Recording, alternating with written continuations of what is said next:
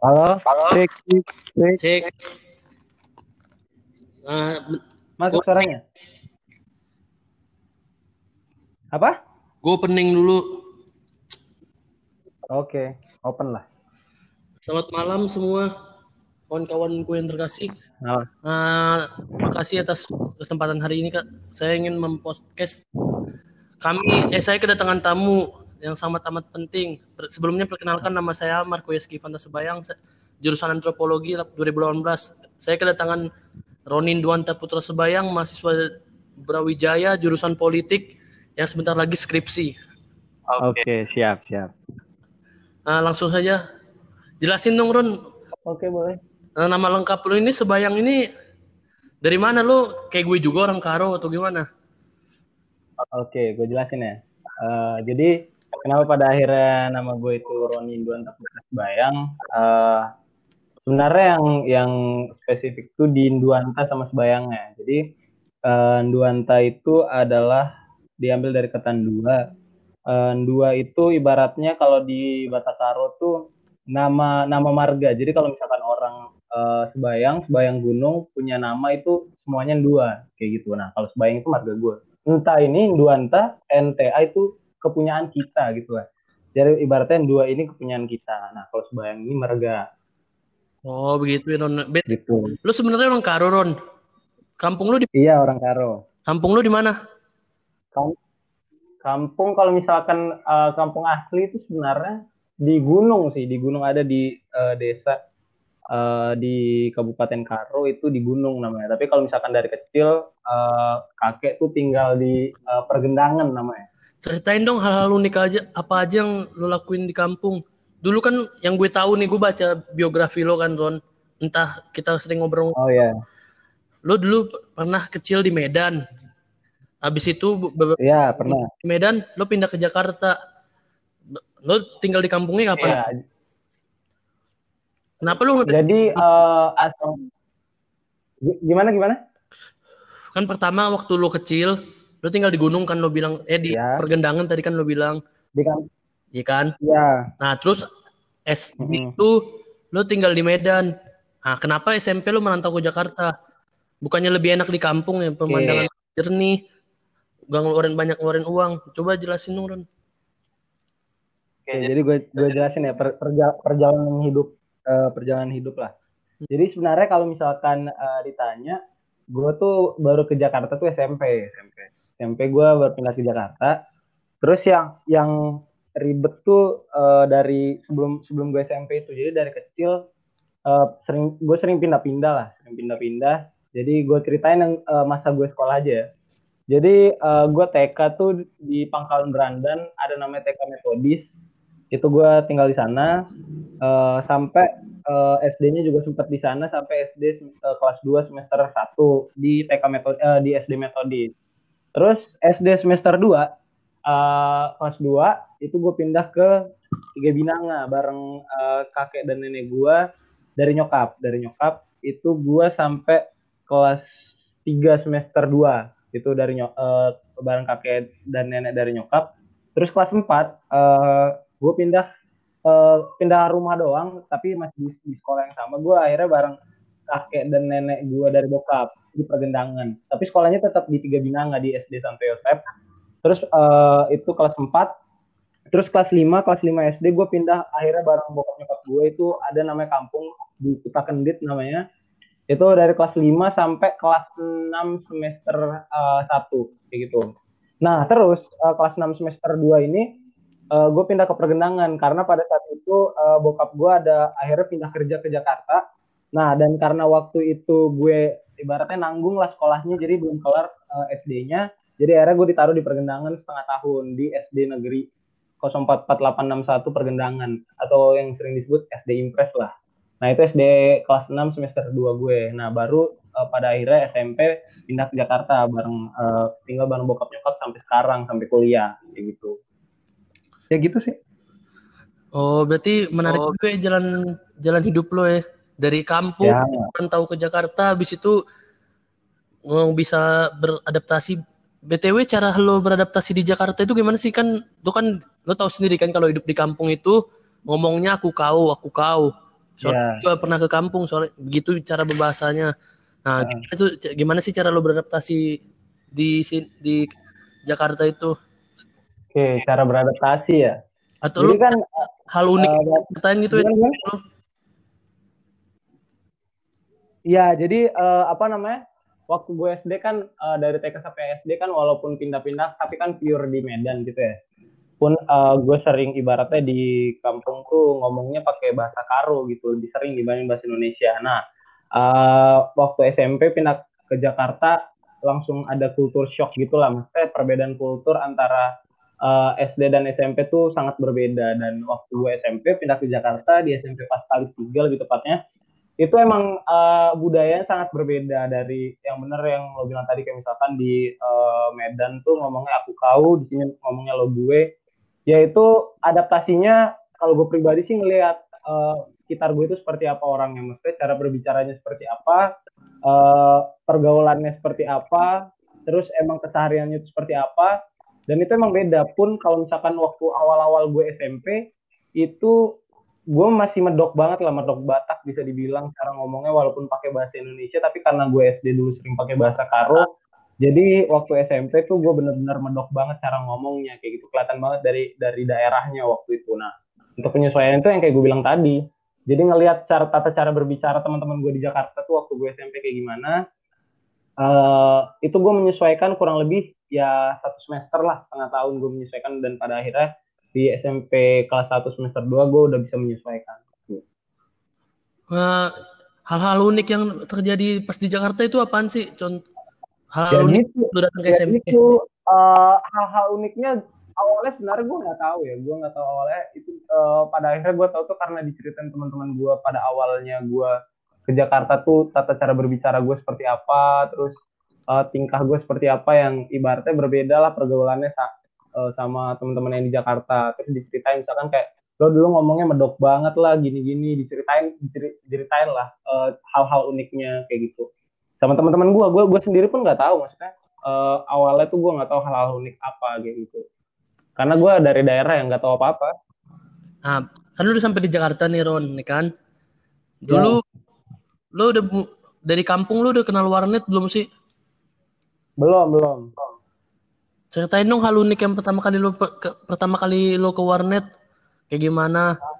Warnet ya. Jadi uh, jujur aja tuh gue kenal warnet tuh sebenarnya di di kampung ada tapi nggak nggak pernah gue mainin. Jadi uh, waktu kelas 7 SMP tuh ya pertama kali diajakin sama teman, terus ngeliatnya wah ini apaan, terus akhirnya untungnya sih gue dikasih nggak tahu kenapa gue dikasih uh, apa mungkin talenta atau apa nggak nggak juga sih maksudnya kelebihan yang gampang gampang menangkap sesuatu lah. Maksudnya kayak dulu teknologi yang super canggih itu yang nggak ada gue dapetin di kampung. Karena gue uh, di kampung itu mainnya guli ya. Lo tau guli nggak?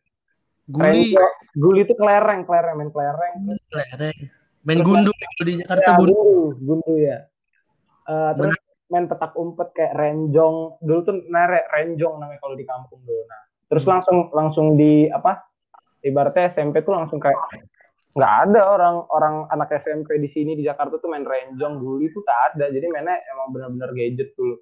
Kayak komputer gitu gitulah sebelum terkenal sekarang kayak HP ya. Dulu tuh uh, bener-bener masih kayak gamesnya tuh masih kayak di warnet main PB Ayo Dance gitu-gitu lah.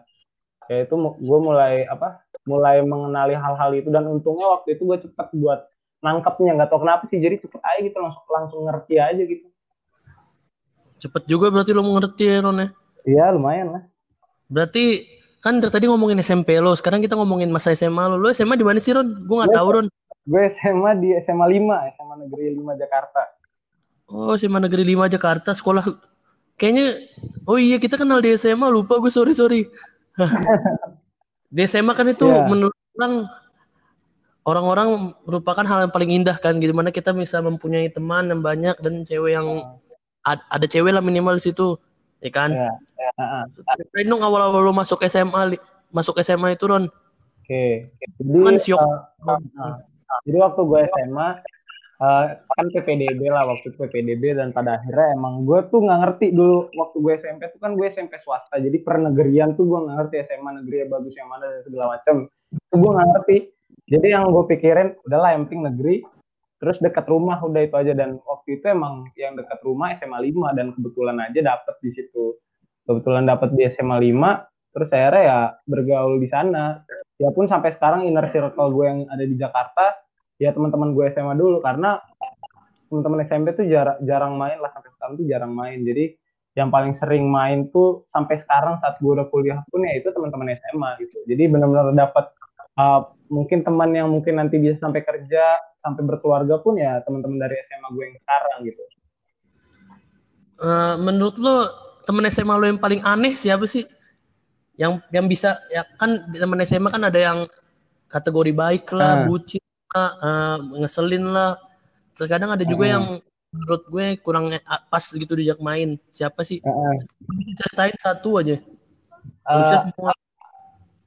Yang aneh, nggak ada sih aneh. Temen gue aneh semua soalnya SMA karena guanya pun aneh. Jadi dia cocok lah. Maksudnya masuk sama uh, apa uh, pergaulannya. Jadi dulu tuh sebenarnya sebenarnya kalau diceritain masa SMA terkait uh, circle pertemanan uh, pertemanan uh, di SMA gue tuh benar-benar kayak oposisi oposisi angkatan lah bisa dibilang. Oposisi angkatan dalam hal karena dulu uh, di luar circle pertemanan gue tuh orang-orang nggak bisa menerima uh, bercandaan-bercandaan yang ada di uh, circle gue, pertemanan gue pada saat itu kayak gitu. Jadi misalkan kayak dulu waktu SMA uh, eh, angkatan tuh ibaratnya angkatan lah. Angkatan tuh jadi ibaratnya kita nggak masuk ke dalam angkatan itu gitu. Jadi pertemanan gue tuh nggak masuk ke dalam angkatan gue. Jadi pada akhirnya dulu ada catatan akhir sekolah, misalkan uh, di tahun 2017. Uh, apa namanya angkatan gue tuh walaupun gue di luarnya mereka bikin catatan akhir sekolah lah yang sampai satu jam waktu itu Terus uh, ibaratnya circle gue sebagai oposisi bisa dibilang pada waktu itu mikir nih kita uh, ibaratnya kan gue emang uh, uh, circle gue tuh jarang ke dalam video uh, catatan akhir sekolah itu kan. Jadi pada akhirnya kita juga buat catatan akhir sendiri itu pun supaya ibaratnya membalas mereka yang buat sejam akhirnya kita buat sejam uh, juga terkait uh, kesan-kesan selama SMA gimana dan segala macamnya gitu. Jadi uh, ibaratnya waktu SMA tuh pertemanan gue di luar pertemanan angkatan lah kayak gitu. Jadi tongkrongannya di luar tongkrongan angkatan yang sering uh, uh, angkatan gue datengin kayak gitu di luar lah di, di luar uh, angkatan kayak gitu. Oh gitu ya Ron. Berarti kan kalau ngomongin masalah SMA kan tadi kan pertemanan dulu ceritain. Uh. Ceritain dong kisah, kisah cinta lo di SMA Ron. Enggak. Gue denger, denger itu, itu nggak usah. Suram, suram. Kenapa suram ya, di SMA, Ron? Ya, intinya suram aja lah, nggak usah, nggak usah diceritain oh, itu. Lu dulu pernah deket sama orang tapi orang itu nggak ngerespon, Ron? Enggak, nggak pernah. Itu... Kalau misalkan itu nggak nggak pernah. Pas, pasti ada responnya, cuman ya uh, target gue nggak sesuai sama apa yang uh, hasilnya nggak sesuai apa apa sama apa yang gue targetin lah, intinya gitu. Kalau nggak ngerespon sih enggak. Iya, direspon sih tapi negatif ya, gitulah. Iya, intinya hasilnya tidak sesuai apa apa sama yang kayak gue ekspektasikan di awal. Iya. Sa ya. Sama lah kita sama. Terus jangan salah-salahin dong, beda lah. gue denger-denger lo masuk Universitas Brawijaya jalur undangan itu gimana ya. sih kesan pesan lo pas ya, pas masuk ya, ke jalur undangan? Uh, lo bisa denger jujur, gua, uh, lo bisa pas masuk itu gimana gimana? Lo bisa nunjukin ke oposisi lo kalau anak tongkrongan lo itu berhasil atau cewek yang nolak lo itu nyesel atau gimana sih perasaan lo ketika lo keterima Enggak, undangan? Gue, gue, sih nggak lebih ke situ sih. Jadi gue lebih ke apa ya? Uh, gue gue uh, pas gue keterima di uh, Brawijaya jujur aja, gue nggak nggak expect sama sekali sih maksudnya uh, keterima di jalur itu karena emang gue ya udah asal milih aja bukan asal milih maksudnya nggak berharap keterima di jalur undangan pada saat itu karena emang gue fokusnya di SBM waktu itu. Fokusnya di tes tulis buat masuk PTN jadi ya milih jurusan emang sesuai apa yang pengen gue pengenin. Dan kampus saya juga. Cuman ya nggak mungkin keterima lah. Maksudnya gue mikirnya lebih ke situ karena emang gue waktu itu fokus buat tes tulis kan. Terus pas keterima itu ya ya kaget aja. Karena gue mikir flashback ke belakang kayak gue apa sih gue yang kayak cuman dari kampung yang ibaratnya mungkin kalau misalkan gue waktu itu SMP nggak pindah ke Jakarta ya gue bakal mungkin ya berladang lah bisa ibaratnya gue dulu berladang pasti di kampung mungkin gue akan uh, tamat SMA doang misalkan SMA yang di kampung terus akhirnya gue berladang di sana dan segala macamnya mungkin uh, kalau misalkan gue masih tinggal di kampung dan nggak pindah SMP ke Jakarta, mungkin gue nggak bakal bisa ngedapetin apa yang gue dapetin sekarang. Saya bisa kuliah di negeri yang salah satu universitas terbaik di Indonesia lah. Gue nggak bakal bisa ngedapetin itu kalau misalkan gue mungkin waktu SMP itu nggak pindah ke Jakarta. Gue masih mikir itu sampai sekarang sih, kayak gitu. Oh gitu. Lebih, lebih kerasa Terus, syukur sih. Gitu. Hmm. Terus lu kenapa tertarik sama dunia politik, Ron? Kan dunia politik di Indonesia ini kan agak sedikit gimana ya agak kurang peminatnya tapi lu meminati ilmu politik Ron. Oke. Okay. Kenapa, kenapa milih UB kan ilmu politik ya? Kenapa milih UB juga? Oke, okay, gue jelasin satu persatu ya. Iya. Yeah. Jadi uh, terkait kenapa gue milih ilmu politik, pertama karena emang gue tipikal orang yang suka ngomong di depan orang Gimana ya? Maksudnya uh, tipikal orang yang suka ngomong di depan orang gitu. Nah, kalau misalkan uh, orang yang suka ngomong di depan orang lain ataupun di uh, di depan banyak orang kayak gitu kan berarti secara otomatis kan uh, kalau nggak pokoknya intinya di bidang sosial lah. Uh, apa penjurusannya di waktu kuliah pasti di bidang sosial kan.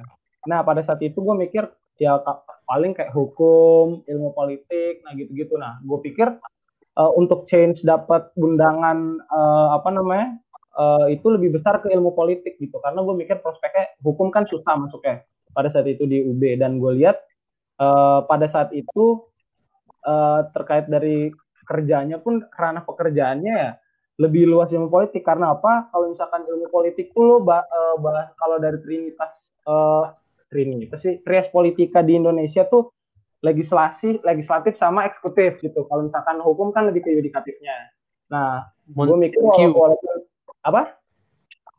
Itu pernyataan dari Montesquieu. Ya, Lanjut. Itulah. Jadi gue ngeliat, wah ranah pembelajaran gue kalau misalkan gue di ilmu politik mungkin bisa lebih luas nih dengan gue yang tipikal orang yang suka ngomong di depan orang lain ataupun di banyak di depan banyak orang gitu. Kalau misalkan hukum kan ya jelas hanya sekedar yudikatif kan. Kalau misalkan politik kan lo uh, bisa membahas terkait legislatif, dan juga eksekutif kayak gitu. Nah pada akhirnya ya udah gue milih ilmu politik. Nah kenapa Universitas Brawijaya? Karena uh, ad, uh, waktu bimbingan konseling kan uh, di SMA ada tuh mata pelajaran bimbingan konseling, namanya ya. BK BK lah.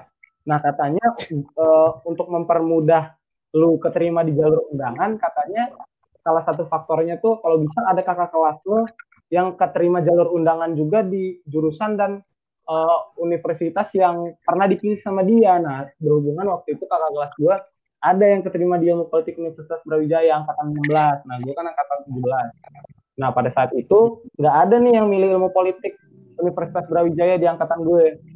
Terus akhirnya ya udah gue pilih dan pada saat itu walaupun strateginya udah pas ya tetap yang kayak gue bilang di awal tadi gue nggak berharap karena gue lebih fokus ke ujian tertulis pada saat itu kan kan gue juga bimbel juga jadi gue emang fokusnya di uh, apa tes tertulis walaupun uh, gue nyusun strategi juga di undangan. Jadi supaya ada beberapa peluang lah supaya gue terima di PTN pada saat itu.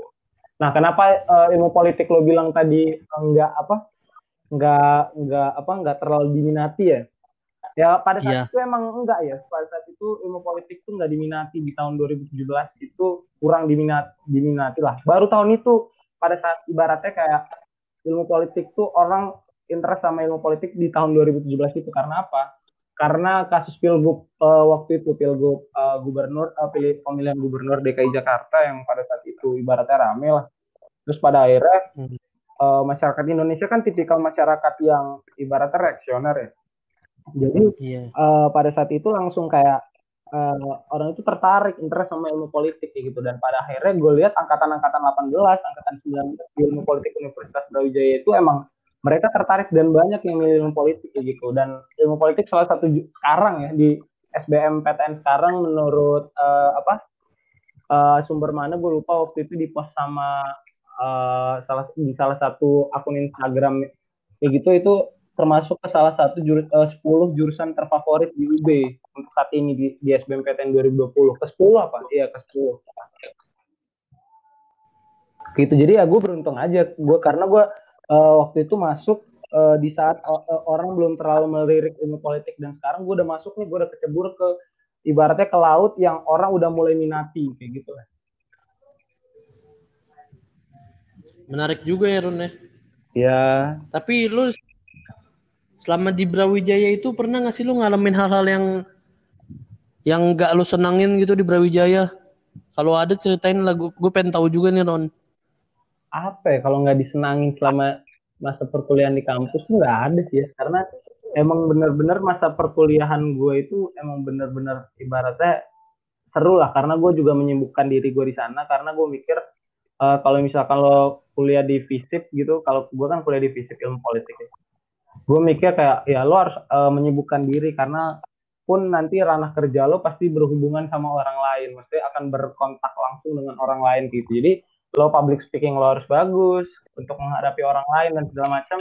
Pada akhirnya gue menyebutkan diri, gue ikut organisasi-organisasi dan segala macamnya. Nah tujuan gue supaya gue bisa nih maksudnya buat berkomunikasi dengan baik dengan orang lain itu seperti apa. Akhirnya mengenali orang ini seperti apa, tipikal orang ini seperti apa, misalkan uh, dengan uh, orang A gue harus berkomunikasi seperti apa, orang B gue harus berkomunikasi seperti apa, itu gue pelajarin. Jadi gue menyibukkan diri gue di kampus kayak gitu dengan ikut organisasi-organisasi terlepas dari akademik.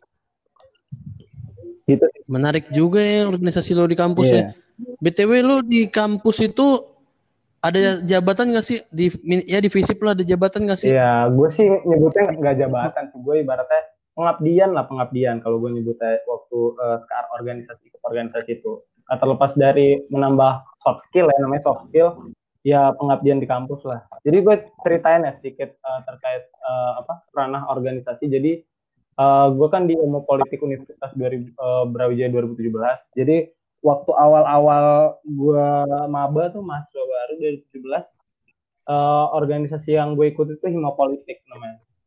Uh, hmm. Sebenarnya gue agak nyesal juga sih karena gue cuma kenapa gue cuma ikut itu gitu? Karena gue waktu itu masih banyak stigma stigma yang masuk udahlah lo fokus kuliah aja lah gak usah ikut organisasi gak usah ikut bem bla bla bla karena lo nanti sibuk. Akhirnya uh, perkuliahan lo akan tertinggal kayak gitu. Makanya pada akhirnya untuk nyari aman gue ikut himpunan aja lah. Jadi gue waktu itu ikut staff magang. Uh, gue waktu itu jadi staff magang min, divisi minat dan bakat hima politik 2017 nah setelah gue masuk uh, ke sana ternyata gue uh, padu padankan dengan akademik gua ternyata bisa nih. Uh, maksudnya walaupun lo ikut organisasi lo tetap bisa uh, menyelaraskan dengan akademik lo kayak gitu makanya pada akhirnya 2018 gua akhirnya ikut himpunan lagi sama ikut BEM jadi gue ikut dua organisasi pada saat itu itu uh, gue ikut di divisi uh, PSDM Himopolitik gue jadi staf ahli sama staf ahli Kementerian Minat dan Bakat BEM BEM Fisip UB 2018 pada saat itu. Nah, itu kan organisasi uh, internal, internal kampus ya. Gue juga pada saat itu ikut organisasi eksternal, eksternal kampus, OMEK disebutnya di sana. Nah, itu GMNI namanya, Gerakan Mahasiswa Nasional Indonesia. Dan sampai uh, sekarang itu masih organisasi ekstra kampus, karena nggak ada periodenya. Nah, terus di tahun 2019 kemarin, uh, gue jadi uh, apa uh, naik lagi nih setelah jadi staff kan kalau misalkan abis staff itu abis staff kali lo biasanya jadi badan pengurus harian kan. Nah pada saat itu gue jadi badan pengurus harian tuh di Hima Politik. Gue jadi kepala divisi PSDM Hima Politik 2019. Nah itu gue jadi uh, kepala divisi di sana. Terus di 2020 kemarin uh, uh, apa namanya ada beberapa orang yang mengusulkan gue untuk maju lah di DPM kayak gitu. DPM tuh Dewan Perwakilan Mahasiswa. Udah Ron lo maju aja di DPM karena gini gini gini gini gini terus pada akhirnya karena atas saran beberapa teman gue akhirnya gue maju di DPM dan pada saat itu uh, beruntung juga akhirnya kepilih dan saat ini gue saat ini masih sampai sekarang di tahun 2020 gue jadi ketua umum DPM sisi UB lah. Tuh berarti lo berarti lo diamatin diamanatin banget ya sama masyarakat masyarakat ya bisa dibilang di, bisa dibilang kayak gitulah. Tapi nih Ron ngomongin dari tadi ngomongin masalah nah. kampus nah kita bahas masalah pribadi boleh boleh. Nah kan kan dunia kampus nih nggak lengkap juga kan dunia kampus ibaratnya kayak SMA juga kan cuman beda dikit. Kita nggak pakai seragam kalau di dunia kampus ya, ya kan? Itu bedanya perbedaannya. Hmm. menurut lo lebih asik temen kampus lo atau temen SMA lo? Kalau ditanya lebih asik nggak bi nggak bisa sih karena beda. Dua-duanya menurut gua menurut gua asik. Karena di SMA pun saat gue misalkan nih saat liburan ya waktu gue balik dari Malang ke Jakarta ya teman gue di Jakarta tuh ya teman-teman SMA gue ya gitu. Kalau misalkan saat gue di Malang ya teman-teman uh, teman-teman gue tuh teman-teman kuliah gue jadi kalau ditanya lebih asik mana menurut gue ya dua-duanya asik sih cuman beda beda beda ini aja beda bercandaan aja tapi kalau ditanya asik dua-duanya asik Iya sih. Tapi lu BTW di Malang itu banyak juga ya? apa banyak yang apa namanya? Banyak juga ya mantan lu kayak di Jakarta di SMA kemarin ya? Apa Hmm. gimana atau apa gimana? enggak lah enggak dikit dikit Ya setiap tahun lu gue denger gak sering ganti-ganti cewek Ron. enggak lu jangan lu jangan apa ibaratnya memberikan info yang salah enggak Ya, makanya lu jelasin. enggak enggak enggak enggak itu Oh, enggak. ada lah intinya intinya enggak sesuai sama yang lu omongin lah Oh ya udah. Kan lu sekarang udah punya pacar nih Ron. Ya. Jelasin awal pertama kali lu ketemu sama dia. Ya, gitulah intinya kan eh, apa namanya? Ya namanya juga anak kuliah sibuk organisasi. Terus akhirnya dari sana ketemu link eh, apa link beberapa teman dan pada akhirnya ya udah kayak gitu. Oh lu dikenalin sama temen lu nih kalau Enggak, si kena, kena- cewek. kenal, kenal sendiri kan namanya juga organisasi link misalkan. Kayak kemarin gue magang nih. Eh, gue dapet eh, kenalan eh gue kenal sama temen gue yang ibaratnya satu divisi dan pada akhirnya ya dari sana gue dapet link buat magang karena bokapnya misalkan pada saat itu kerja di tempat yang gue magang kayak gitu itu sih kurang lebih sama seperti kayak gitulah Oh ya, berarti cewek lo itu kenalannya lo sendiri ya? iya sendiri Menarik juga sih Ron di kuliahan fokus-fokus belajar tapi lo udah punya pacar di situ. Berbeda banget mengetahui. Kalau di SMA kan pacaran cuma main-main kan orang terkesannya kan. Kalau di Ya. kuliahan itu lo ada, ada menuju arah ke, se- ke lebih serius atau cuman main-main doang nih Ron di umur lo yang berapa sekarang umur lo sorry? 20 Nah, ada nggak pikiran lo untuk serius sama pacar lo yang sekarang? ya enggak sih biasa aja sih Oh, sama juga kayak di SMA berarti ya. enggak sama maksudnya perbedaannya ya udah jalanin dulu aja ntar kehidupan ke depannya kayak pekerjaan ya ntar juga eh, ngalir sendiri. Gue nggak pernah menargetkan misalkan kayak pekerjaan gue gue dapat harus eh, tok segini gue harus kayak gini. Enggak jalanin dulu aja. Yang jelas ya tetap berusaha. Misalkan kayak mendapatkan pekerjaan ya lo harus berusaha buat dapetin pekerjaan lo. Jadi terkait target yang benar-benar ini ada tapi ya eh, nggak terlalu menargetkan banget lah. Yang penting tetap berusaha aja sih. Iya sih Ron, emang begitu juga sih. Intinya kalau lo, misal nggak- emang, emang lo nggak nggak kayak gitu? Kalau Kalau gue kehidupan gue sendiri sih ya gue di kampus itu diam gue nggak mikirin sampai ke sana Ron. Arah-arah Nah, percintaan kenapa lo itu. kenapa lo nggak mikirin sampai ke sana?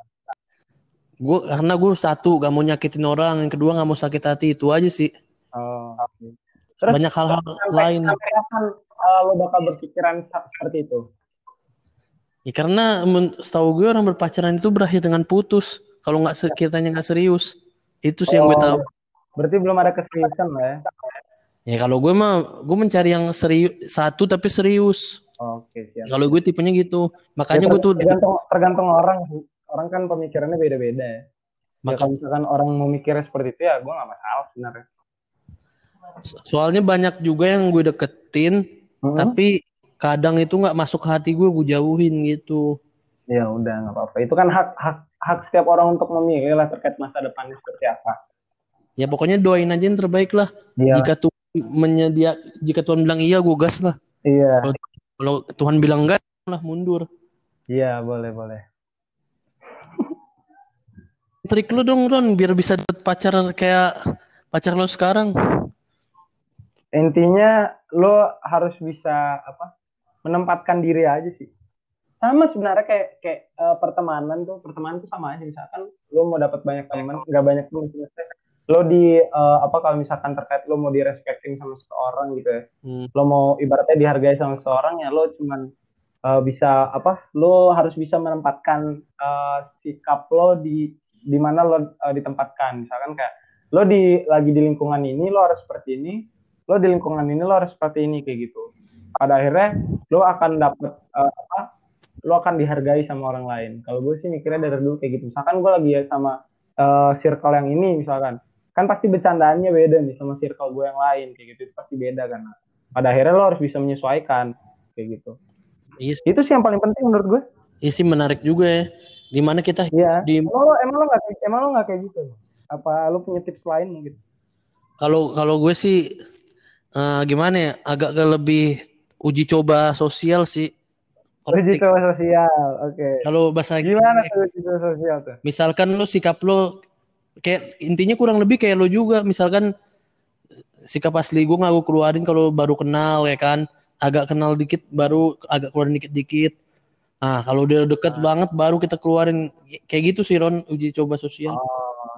kadang Ini, ini sama, ini sama lah ya menyesuaikan lingkungan lah ya. kadang nah, makanya setiap di kampus itu gue ada lebih dari beberapa orang tuh menjadi temen gue juga.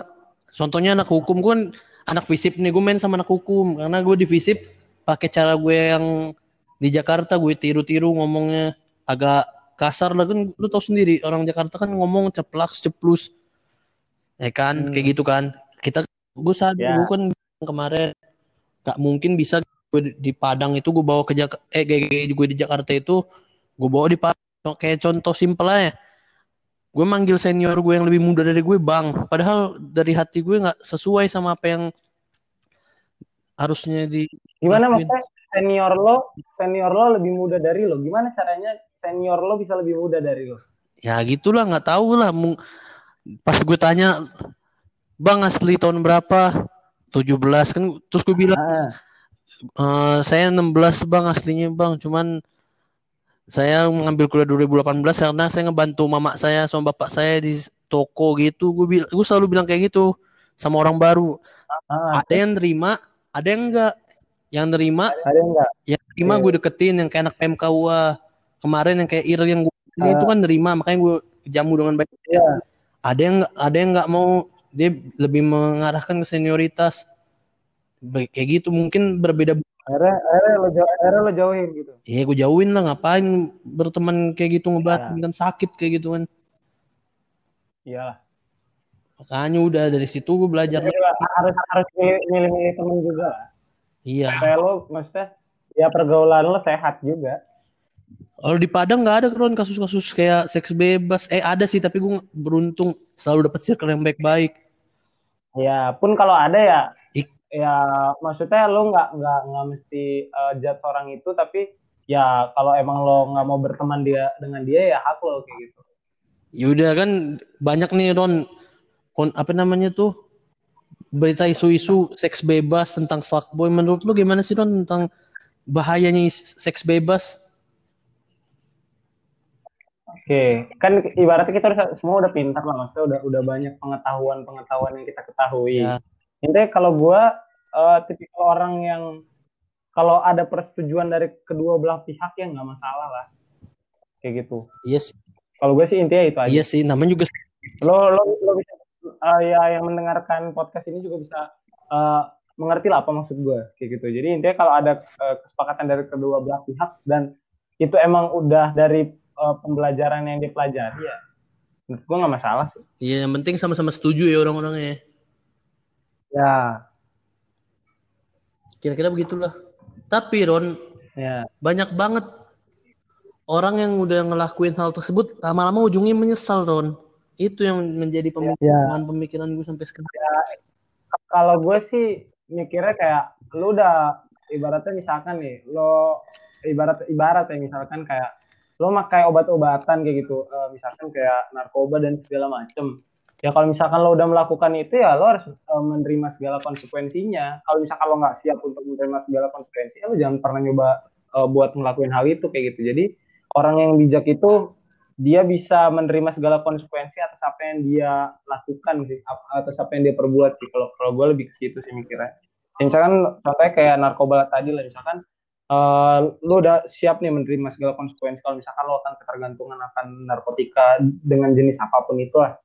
Ya kalau lo sanggup dengan konsekuensinya itu ya monggo eh, lakuin aja kayak gitu. Karena gue gue juga nggak bisa ngelarang orang untuk melakukan hal itu kalau misalkan dia udah siap.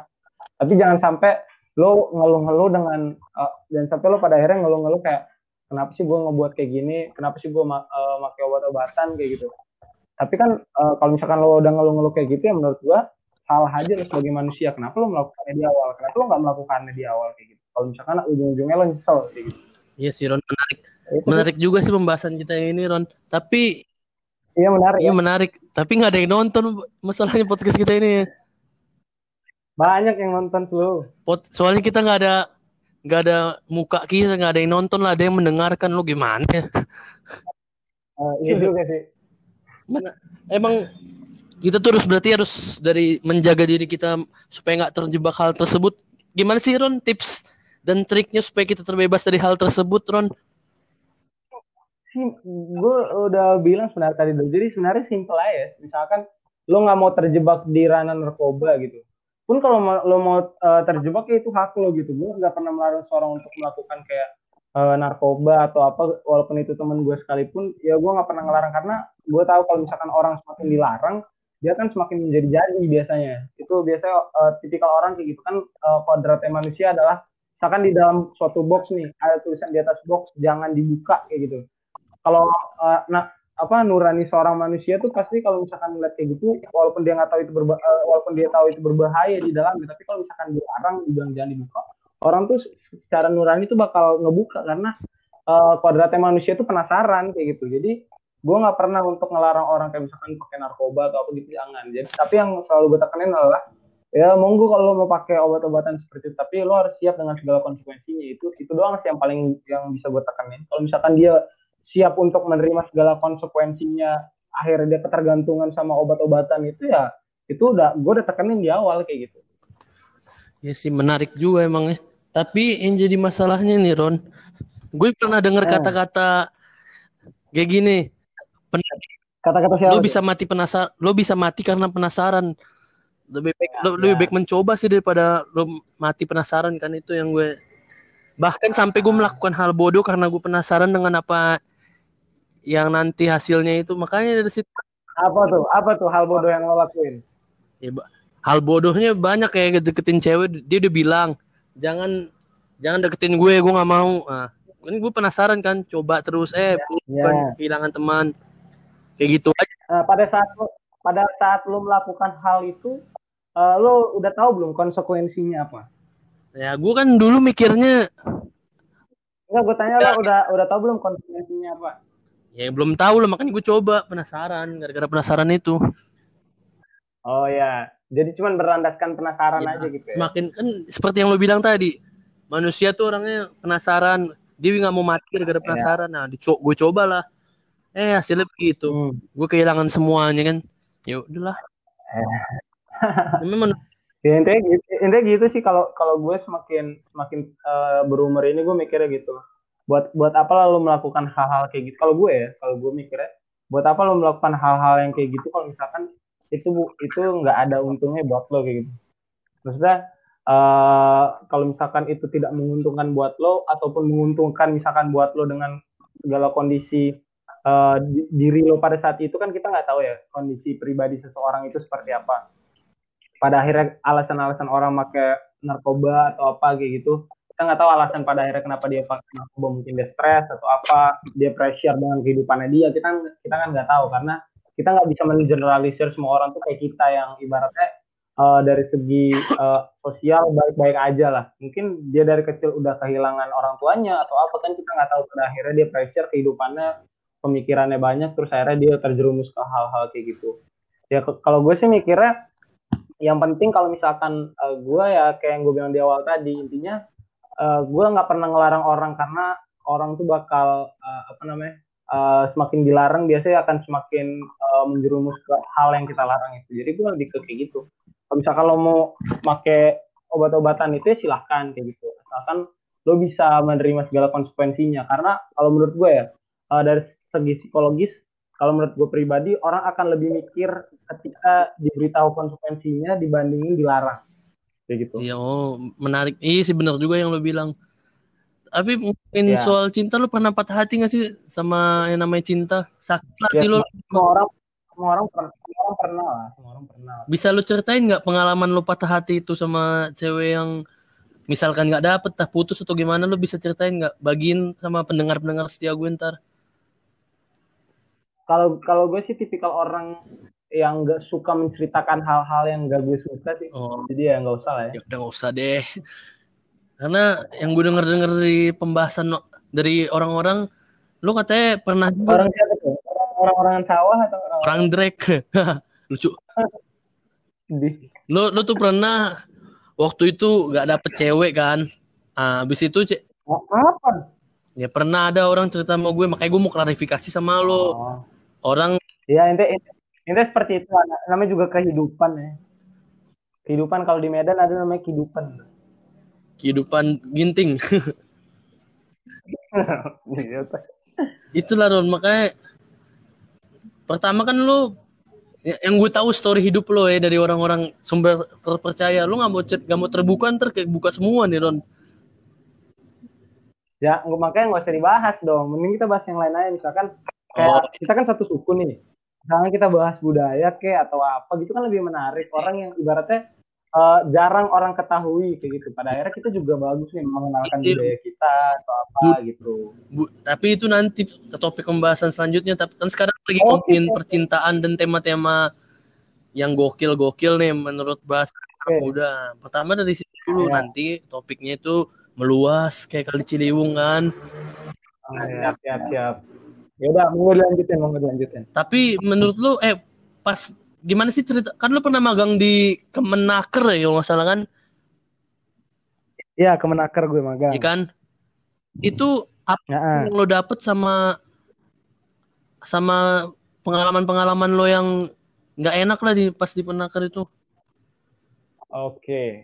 Eh, jujur kalau misalkan selama gue magang di Kemenaker itu yang gue dapet tuh secara garis besar tuh cuma dua ya. Kalau kalau gue selama kurang lebih kalau 22 hari kerja, jadi 22 hari kerja tuh maksudnya Senin sampai Jumat dihitung. Jadi Senin sampai Jumat kan 5. Nah, dihitung itu Senin sampai Jumat selama 22 kali kayak gitu. Hmm, Sebulan lebih lah. Iya. Eh, kayak gitu. Jadi yang gue dapetin tuh eh, dua. Yang pertama tuh link. Link itu kayak koneksi lah pada akhirnya gue dapet eh, apa namanya kontak-kontak PNS-PNS yang ada di sana, pegawai-pegawai yang ada di sana, kurang lebih seperti itu. Jadi pada akhirnya nanti misalkan gue di ranah pekerjaan, ya semoga aja pada akhirnya kalau misalkan emang gue pada akhirnya kerja di sana, ya akan lebih mudah karena misalkan gue akan lebih mudah mendapatkan informasi dan segala macam dari eh, kontak WA yang gue dapat dari pegawai-pegawai itu. Itu yang pertama. Terus yang kedua terkait eh, ini sih eh, pekerjaannya di sana seperti apa sih kayak gitu. Eh, apa maksudnya mekanisme pekerjaan itu di kementerian tuh seperti apa? Misalkan di bagian ini, di bagian ini seperti apa, direktorat ini seperti apa? Misalkan lo kerja di bagian ini, lo mengerjai hal apa? Mengerjai nggak?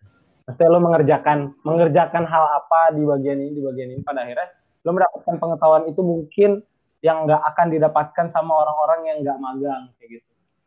Menarik. Itu sih Banyak banget hal menarik yang bisa lo bagiin nih di, ya mungkin di Kemenaker itu ya. Iya kayak gitu. Ente ente ente dua poin sih yang gue dapetin yang Tapi- gue ceritain tadi. Ngomong-ngomong mat suku Karo yang tadi lo bilang se- Oh jadi udah, udah masuk ke suku Karo nih, udah nih. Iya, sabar buka dulu, sa Oh ya buka buka lah. Buka. Tap, tap kan lu tadi belum ceritain nih, lu kan marga lu Sebayang, lu kan suku Iya. dong berarti dong. Apa? Lu berarti suku Karo dong kalau marga lu Sebayang. Iya suku Karo. Kenapa bisa samaan? Kita Sebayang, lu Seba- gue Sebayang, lu Sebayang. Nah, Takdir kali. itulah yang masih gue bingung. Tapi kan gue orang Karo, tapi gue belum tahu tentang adat-adat Karo. Lu bisa bantu gue jelasin gak sih tentang apa aja? Oh, iya. Apa apa yang lo mau tanya terkait eh, apa suku Karo apa? Si Rakut Rakut si Telu dulu deh sebelum menjalar ke mana-mana. Oke. Jelasin dari sebelum kali dulu. Rekod dulu ya. Kenapa Ini kalau gue juga eh, orang yang nggak sebenarnya nggak terlalu eh, kalau dibilang pinter banget sih terkait adat enggak. Cuman ya kalau misalkan nanti salah-salah, mungkin nanti ada yang mendengarkan podcast kita ini bisa membenarkan gitu kali ya. Soalnya nanti gue takutnya dibilang sok tahu nih. Nanti misalkan ada kata-kata gue yang salah gitu ya. Mm-mm. Gue jelasin nih. Jadi biar gampang ngejelasinnya gue nanti sekaligus ada case-nya lah. Apa ibaratnya contohnya gitu ya biar men- gampang yang lebih menarik aja. Iya biar lebih menarik. Apa sih yang ditarik gitu ya. Tarik ulur ya. Jadi Lanjut. rakut si telu itu dari per, pernamaannya dulu si telu. Telu itu artinya tiga. Hmm. Jadi rakut si telu itu eh, ibaratnya eh, apa eh, mekanisme adat lah mekanisme adat kalau misalkan eh, hubungan lo dengan orang Karo yang lain. Kalau misalkan di orang Karo tuh sebutnya tutur, tutur tuh. Jadi tutur tuh misalkan lo sesama orang Karo nih, tutur lo apa sih? Hubungan lo apa sih kayak gitu. Nah, itu medianya melalui rakut si telu ini. Itu ada anak beru, ada kalim bubu sama guyak gitu ya. Ya, Jadi terus ada tiga anak beru, sembuyak sama kalim bubu. Nah, eh, pertama dulu dari anak beru.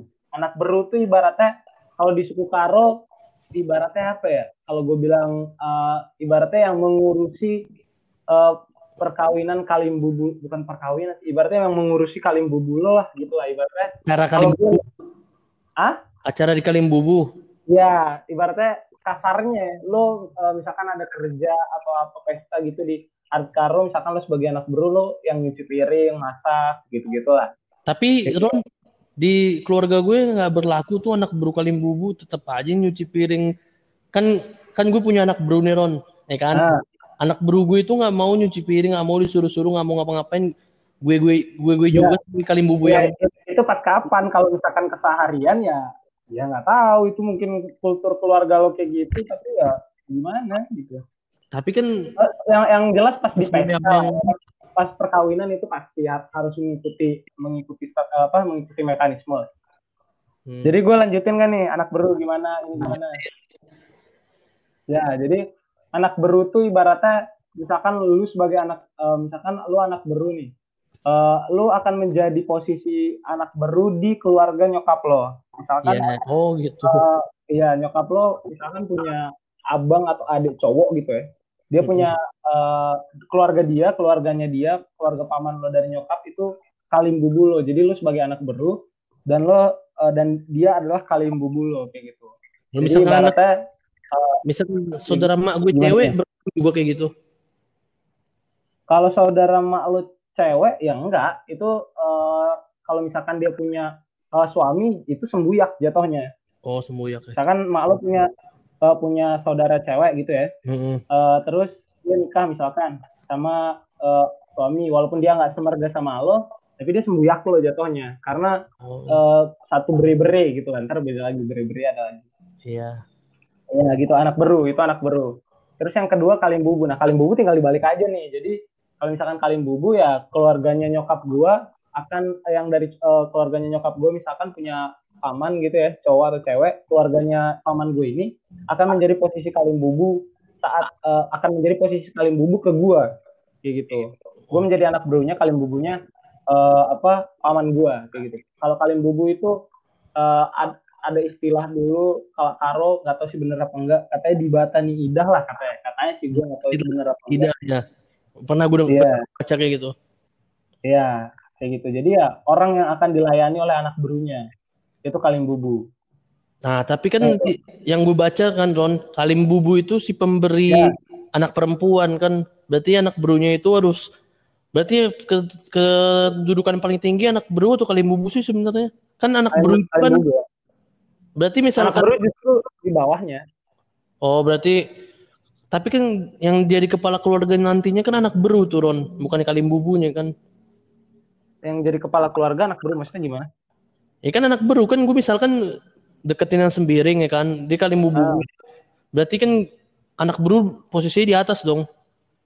enggak lah Eh, apa namanya eh, apa namanya misalkan nih eh, lu punya punya istri ya Iya. keluarga keluarga dari istri lo itu misalkan kayak bokapnya dia ataupun abangnya dia eh, itu ya kalim bubu lo karena lo udah ngambil anaknya kayak gitu Oh, oh iya kayak gitu. Berarti kita Ya, harus jadi kita harus sayang lo sama harus hormat sama keluarga keluarga istri lo kayak gitu nanti kita karena harus nanti di pesta-pesta pun eh, lo bakal jadi anak beru di sana di Iya. keluarganya istri lo Nah, kalau sembuyak, Kayak Ron.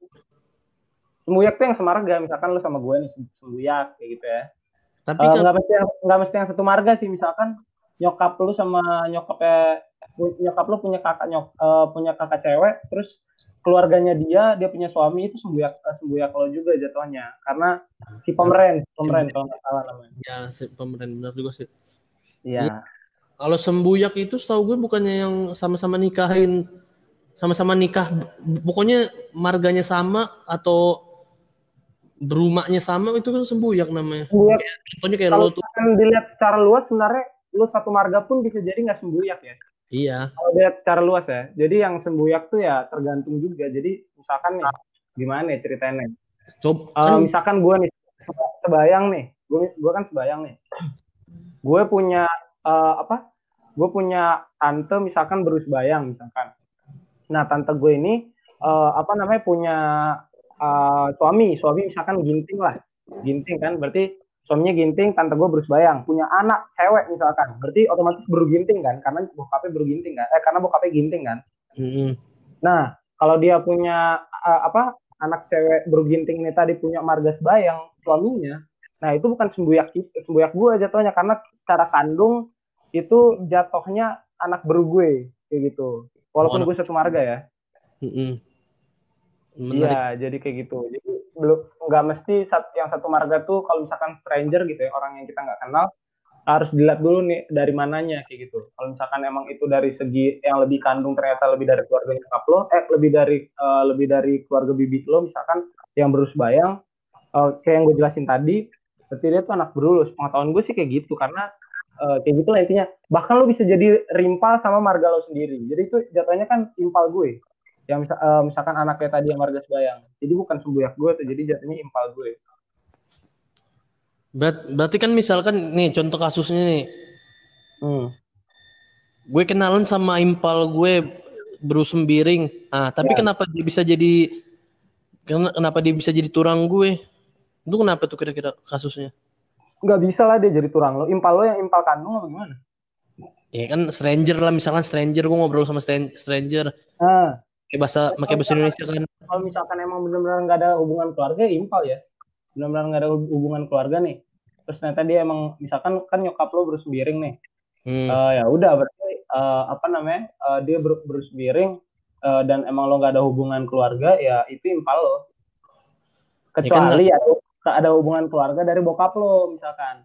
oh nggak kayak- bisa kayak gue ya? tadi misalkan bokap apa nyokap lo eh, bokap lo punya misalkan punya saudara cewek saudara Hmm. cewek itu nikah eh, sama marga sembiring Eh, eh, terus marga sembiring itu cowok tadi karena punya anak baru sembiring tadi nah itu jatuhnya jadi turang lo bukan impal lo lagi turang impal jatuhnya Iya sih. turang lah Iya Emang emang kayak gitu. Makanya gue agak bingung juga sama suku Karo ini.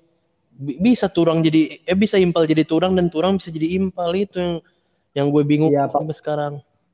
iya apa pun bisa lah Cuman gue nggak bisa deketin jadinya kan gitu. Yang Jadi Eh. yang jadi masalah sih gitu lo ada tips dan trik gak sih buat misalkan ngadepin hal-hal semacam yang tadinya turang bisa jadi impal gimana sih lo ngadepin tipsnya? apa ya kalau gue dia lo banyak bergaul sama orang karo aja kalau gue gue juga nggak nggak kayak yang gue bilang di awal tadi ya gue juga bukan tipikal orang yang ngerti adat banget enggak. Mungkin dari apa yang penjelasan yang gue jelasin tadi pun masih ada yang salah gitu ya. Karena pasti ada orang yang lebih pinter dari segi adat dibandingin gue gitu.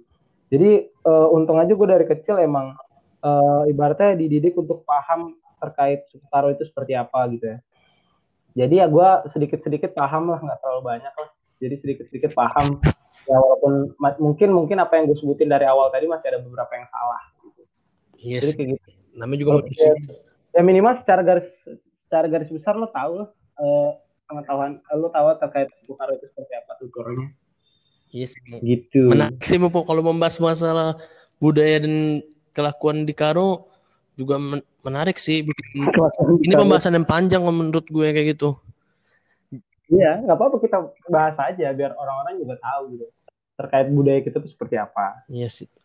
Biar lebih edukatif lah mbak podcast ini walaupun nggak edukatif edukatif banget Pernah gak sih lu nemuin orang yang awal yang udah bikin lo nyaman banget, terus habis itu pas kita tanya berunya tiba-tiba nggak sesuai sama ekspektasi lo lah yang kayak gitu. Lu pernah gak sih ngalamin hal itu? nggak nggak pernah nggak pernah nggak pernah karena emang dari dari apa biasanya kan orang kayak gitu mi- minimal SMA ya Iya. maksudnya interest sama seseorang gitu dari SMA karena inner circle gue tuh jarang orang karo gitu. Jadi emang gue deket deketnya nggak pernah sama orang karo sih. Tapi mau ngomongin soal impal, lu ada impal gak sih Ron? ada ada. Kalau diimpalin lu omongin di satu Im- satu ya banyak lah pasti kalau impal. Gimana sih? Lu? lo ngomongin satu kata tuh mood impal lo ini kalau nanti dia denger apa? Bisa nggak? Apa dong? Apa kek ya intinya gitu ba- banyak lah I- apa kalau misalkan yang nggak kandung gitu ya banyak di luar eh, orang stranger pun yang kayak gue bilang tadi eh, bahkan lu sekalipun ya impal kalau baru sendiri Hmm, berarti kalau kan ada kasusnya nih Ron. Se- marga dia sembiring, mamanya sebaya. Ya. Nah, itu gimana lagi? Nah, kalau misalkan berarti dia dia bersembiring, mamanya sebaya berarti bokapnya sembiring gitu ya. Ya iyalah. Eh, apa? Kalau gue sih ngeliatnya lebih, kalau gue ya nggak tahu sih. Kalau gue ngeliatnya lebih ke kandung mana gitu. Jadi tutur lo akan akan dilihat lebih ke kandung mana. Misalkan Misalkan dia kandung kandungnya sembiring. Gimana gimana? misalnya dia lebih ke sembiring gimana tuh?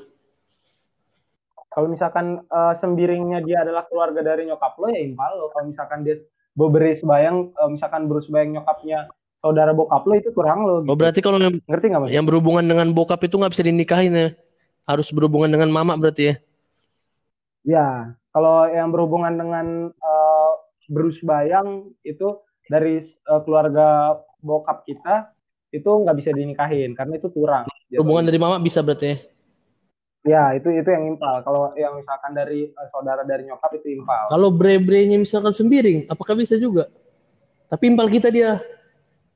Gimana caranya? Kalau kan kita sembiring nih. Oh, misalkan dia sembiring terus beberapa sembiring juga gitu kan ada tuh. Iya gitu ya.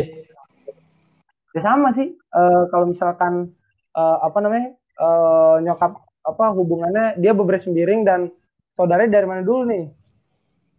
Ya dari mama. Tadi Yang kan dari- gue bilang mamanya sembiring. Oh, ma- Mama, mamanya sembiring terus saudara nyokap kita gitu. iya kan mama kita. Itu, itu turang juga namanya. Itu turang juga. ya? Misalkan mama kita kan ini dengerin dulu dong. Mama kita beru sembiring, ya kan? Ya. Oh iya, sem- sembuyaknya dia kan punya sembuyak nih pastian cewek ada cewek. Ya kan? ya, turang, turang. Kalau Oh, jatuh- jatuhnya tuh. saudara ya turang. Nah, tapi Kalau misalkan eh, cewek punya saudara atau eh, adik atau abang cowok itu turang gitu teh. oh iya. Berarti kalau misalkan mak gue beru sembiring kan, Ya. bang, abangnya itu nikah sama sebayang. Anaknya itu Mm-mm. turang atau impal sih gue itu yang gue dari tadi pertanyaan gue yang belum bisa kejawab sampai sekarang. itu itu turang dong. Misalkan nyokap lo eh, punya adik cewek ya gitu ya. Bukan abang abang atau adik, adik, adik cowok ya kan. Terus adik yang cowok ini nikah sama sebayang. Itu turang itu Ah. timpal gue jatuhnya. Impal lah. Walaupun dia beres sebayang. Ya walaupun dia beberapa sebayang kan lo nggak ada hubungan sama dia. Misalkan nyokap lo punya abang cowok gitu ya. Iya, Eh, nikah, nikah sama Bruce Bayang. iya. Terus eh, punya anak cewek. Berarti kan otomatis anak cewek ini Impal Bruce Bayang, beberapa seba- eh Bruce Biring, beberapa sebayang iya, gitu kan. gitu. Jadi impal lo tetap walaupun dia beberapa sebayang. Oh. Karena lebih kan karena yang kayak gue bilang di awal tadi lebih kandung ke nyokap lo. Dan lo nggak ada hubungan sama nyokapnya dia. Oh gitu ya. Tapi kan hubungan Iya. sebayang bukannya masih ada. Itu yang gue bingung sampai sekarang. Ya itu sih apa namanya kalau misalkan eh, apa kalau misalkan nggak ada yang kandung walaupun ibaratnya dibilang semarga gitu kalau misalkan tutur kan complicated ya. Orang bisa nikah ini sama ini. Kalau misalkan lo lihat misalkan satu marga doang ya nggak bisa. Ada kelnya juga kandungnya gitu. Tapi jadi bisa kalau tutur itu bisa dilihat dari kelnya. Tapi kalau setelah diulik-ulik-ulik-ulik lagi, ternyata si sebayang dari cewek ini ada hubungan darah ke bapak gue tetap turang juga jatuhnya kan. Tapi kan dia ya kalau misalkan kalau misalkan kayak gitu berarti nggak mungkin bisa nikah ngerti gak Ingat, ingat. Berarti om lo itu nggak bakal bisa nikah kalau misalkan saudara juga karena kurangnya secara otomatis. Kalau misalkan ada hubungan da- eh, darah juga. Ya, ngerti kan maksudnya misalkan bapak gue kan sebayang, nikah sama sembiring ya kan. Kasusnya gini nih. Heeh. Ya kan? Iya. Habis itu yang sembiring ini nikah sama yang sebayang dan kebetulan yang sebayang ini ada hubungan darah sama bapak gue. Bisa gak sih kayak gitu? Gimana gimana? Hubungan bapak gue sebayang kan, Ah, mak gue sembiring. ya. Mak gue ini punya ad- adik cowok. Ya kan? Sendiri kan? Iya sembiring dong otomatis dong. Ya. Nikah sama sebayang. Sebayang itu dari mana dulu? Ya nggak tahu pokoknya entah sebayang stranger. Nikah dia sebayang. Nah, anaknya anaknya anaknya juga loh. Anaknya impal gue. Kasusnya ini yang sebayang ini sepupu dari bapak gue, sepupu nggak kan, nggak adik kandung sepupu jatuhnya. Nggak Mungkin bisa nikah karena itu masih kandung walaupun sepupu. Sembuyak. Oh tetap nggak bisa nih. Nggak bisa karena itu kurang. Nggak ada hubungan darah sama bapak gue. Eh nggak Ya, ada hubungan darah sama gue kata lu. Walaupun enggak kan tadi kan secara apa? Secara keluarga kan bokap lo sama nyokap lo nikah. Iya. Emang nggak ada kandung. Kalau misalkan saudara kita, misalkan gue udah nikah sama sembayang, misalkan, misalkan, jadi saudara tuh nggak mesti saudara ya. iya, Jadi misalkan lo udah punya eh, apa, udah ada berhubungan saudaranya, walaupun nggak saudara tuh tetap saudara jatuhnya. Misalkan eh lu lah misalkan, lu kan nggak ada hubungan darah kan, misalkan sama eh kila lo gitu atau mami lo itu kan nggak ada hubungan darah kan. iya. Ya itu tetap saudara lo, jadi tetap dihitung tuturnya. Oh kayak gitu ya. Iya. Kalau contoh kasusnya makin nama lu lu bisa nggak? Makin lama maksudnya. Mak makin nama, misalkan gini kan gue sebayang nih, Marco sebayang, Ah, nikah sama Sembiring, ya kan? sendiri. Ah. Sembiring Ya. ini punya adik cowok marga sem Mm-mm. kan? Terus nikah sama Sonia. Ya. Ya kan? Sepupu gue kan itu. Ya. Nah, Ya, itu bisa nggak? nggak bisa. Itu turangnya. Kok jadi turang? Oh iya, jadi Karena eh, si Sonia ini karena oh apa? iya, si, si Sonia ini Iya. kan bubunya. Oh, Sekarang iya, tanya. gue ngerti gue. ngerti. Kalau misalkan kayak gitu, misalkan eh, anaknya yang cowok dari, misalkan nyokap lo punya eh, adik cowok gitu ya, Iya. punya anak cowok, terus punya anak cowok, nah, dia manggil bokap lo apa? Ap- Gila. Gila kan? Nah, kalau misalkan kita manggil Kila, eh, misalkan lo punya Kila nih, anaknya apa lo? Impal gue. Kurang lo kan? Kurang lah. Itu sih, gimana, gimana, gimana, gimana? Jadi misalkan nih, eh, lo punya Kila, misalkan kita contoh lah, misalkan contoh Aldi gitu, ya. eh, apa bokapnya Aldi, Iya. Eh, Kila, itu kan Kila lo, anaknya apa lo? Hah? Kalau misalkan cewek, kalau misalkan cewek nih, anaknya apa lo? Im- impal gue tetap Kurang lah, kurang, kurang impal jatuhnya. kenapa tuh impal? Ya emang kurang impal. Ta- Tapi kecuali tadi posisinya keba posisinya Oh. kebalik misalkan lo yang cewek dia yang cowoknya Lalu balik misalkan- impal kalau misalkan aduh, misalkan cowok nikah sama gue yang cewek bisa kan berarti kan? ya misalkan eh, posisi ceweknya dulu nih terus yang anaknya bokapnya Aldi eh, cowok nah itu baru Oh jadi iya, impal oh iya. kalau misalkan posisinya dibalik misalkan anak bokapnya Aldi cewek elunya cowok ya nggak bisa karena itu kurang impal Berarti nggak bisa ya. Berarti misalkan itu walaupun kita sepupuan sama dia berarti tetap nggak bisa juga ya Ron ya. ya ngeliat adatnya juga intinya yang kayak gue bilang tadi kalau misalkan eh, apa dari keluarga bibi lo eh, cewek dari keluarga bibi lo misalkan baru sebayang tadi ya nggak bisa nikah sama lo pun dengan bibi lo saudara baik itu saudaranya dari bokap lo saudaranya dari nyokap lo itu nggak bisa lo Oh, iya. nikahin bahkan kayak eh, be- eh, apa saudara dari bokap lo kayak tadi punya eh, lo punya apa adik bokap lo ada ce- eh, cewek misalkan nah nikah sama orang punya anak cewek itu kurang impal lo nah kalau misalkan eh, nyokap lo punya saudara cewek terus eh, punya suami dan punya anak cewek itu kurang lo juga namanya kurang Mas pemeran ya. Oke Ron, menarik juga pembahasan kita hari ini. Ron, sebelum gue tutup podcast ini, ada nggak sih lo kata-kata mutiara yang bisa lo bagiin sama pendengar kita nantinya? Walaupun nggak ada yang dengerin. apa ya kata-kata mutiara Udah sejam juga kebetulan kita podcast kan.